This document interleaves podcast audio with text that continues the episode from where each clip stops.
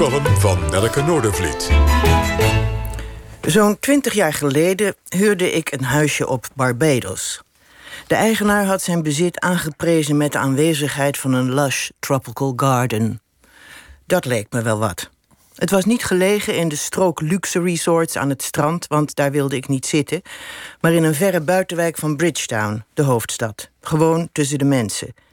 Er stond bij dat het een chattel house was, een landarbeiderswoning, zeg maar een soort slavenhuisje.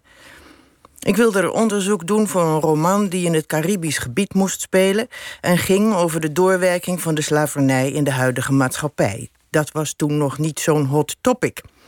Ik verdiepte me in de geschiedenis van de slavernij, verteld vanuit verschillende perspectieven en met meer of minder historisch gezag. Een belangrijk onderwerp, vond ik.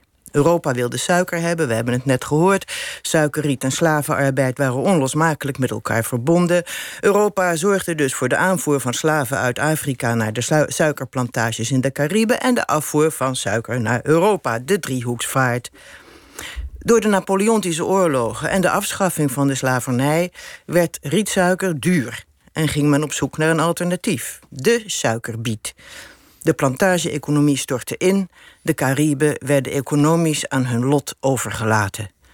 Het was een doodarm gebied, totdat het massatoerisme met de hang naar zon en strand een nieuw soort koloniale economie naar de eilanden bracht, waarin een nieuw soort afhankelijkheid ontstond van de zwarte bevolking ten opzichte van de witte toeristen.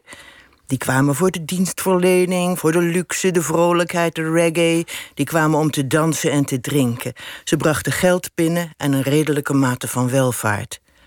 De pijnlijke ironie van die nieuwe slavernij ontging het gros van de uitgelaten bezoekers, maar was zichtbaar in de blik van veel bewoners van Barbados. Het huisje dat ik had gehuurd stond werkelijk in een heel gewone buurt, waar een Europese vrouw, die geheel alleen op de veranda achter een laptop zat te tikken, een bijzondere verschijning was. David, de eigenaar van het Chattel House, had voor de weken dat ik er zou verblijven met zijn hond een binnenplaatsje achter het huis betrokken. Elke avond bij zonsondergang sloot hij zorgvuldig het hek af. S'morgens vroeg ging het weer open. De mobiele telefoon had nog niet de mogelijkheden die er nu zijn... en dus legde David elke ochtend discreet zijn telefoon op de rand van de veranda... omdat hij wist dat mijn man zou bellen. Een zachtmoedig en zorgzaam man. Het verblijf daar heeft me meer geleerd dan boeken. En de lush tropical garden, tja, die bestond uit een aantal prachtig bloeiende hangplanten. Dankjewel, Nelke. En voor wie wil lezen uh, waar dat verblijf toegeleid heeft? Welk, welk boek uh, van jou moet uh, Dat was Pelican Bay. Pelican Bay, bedankt.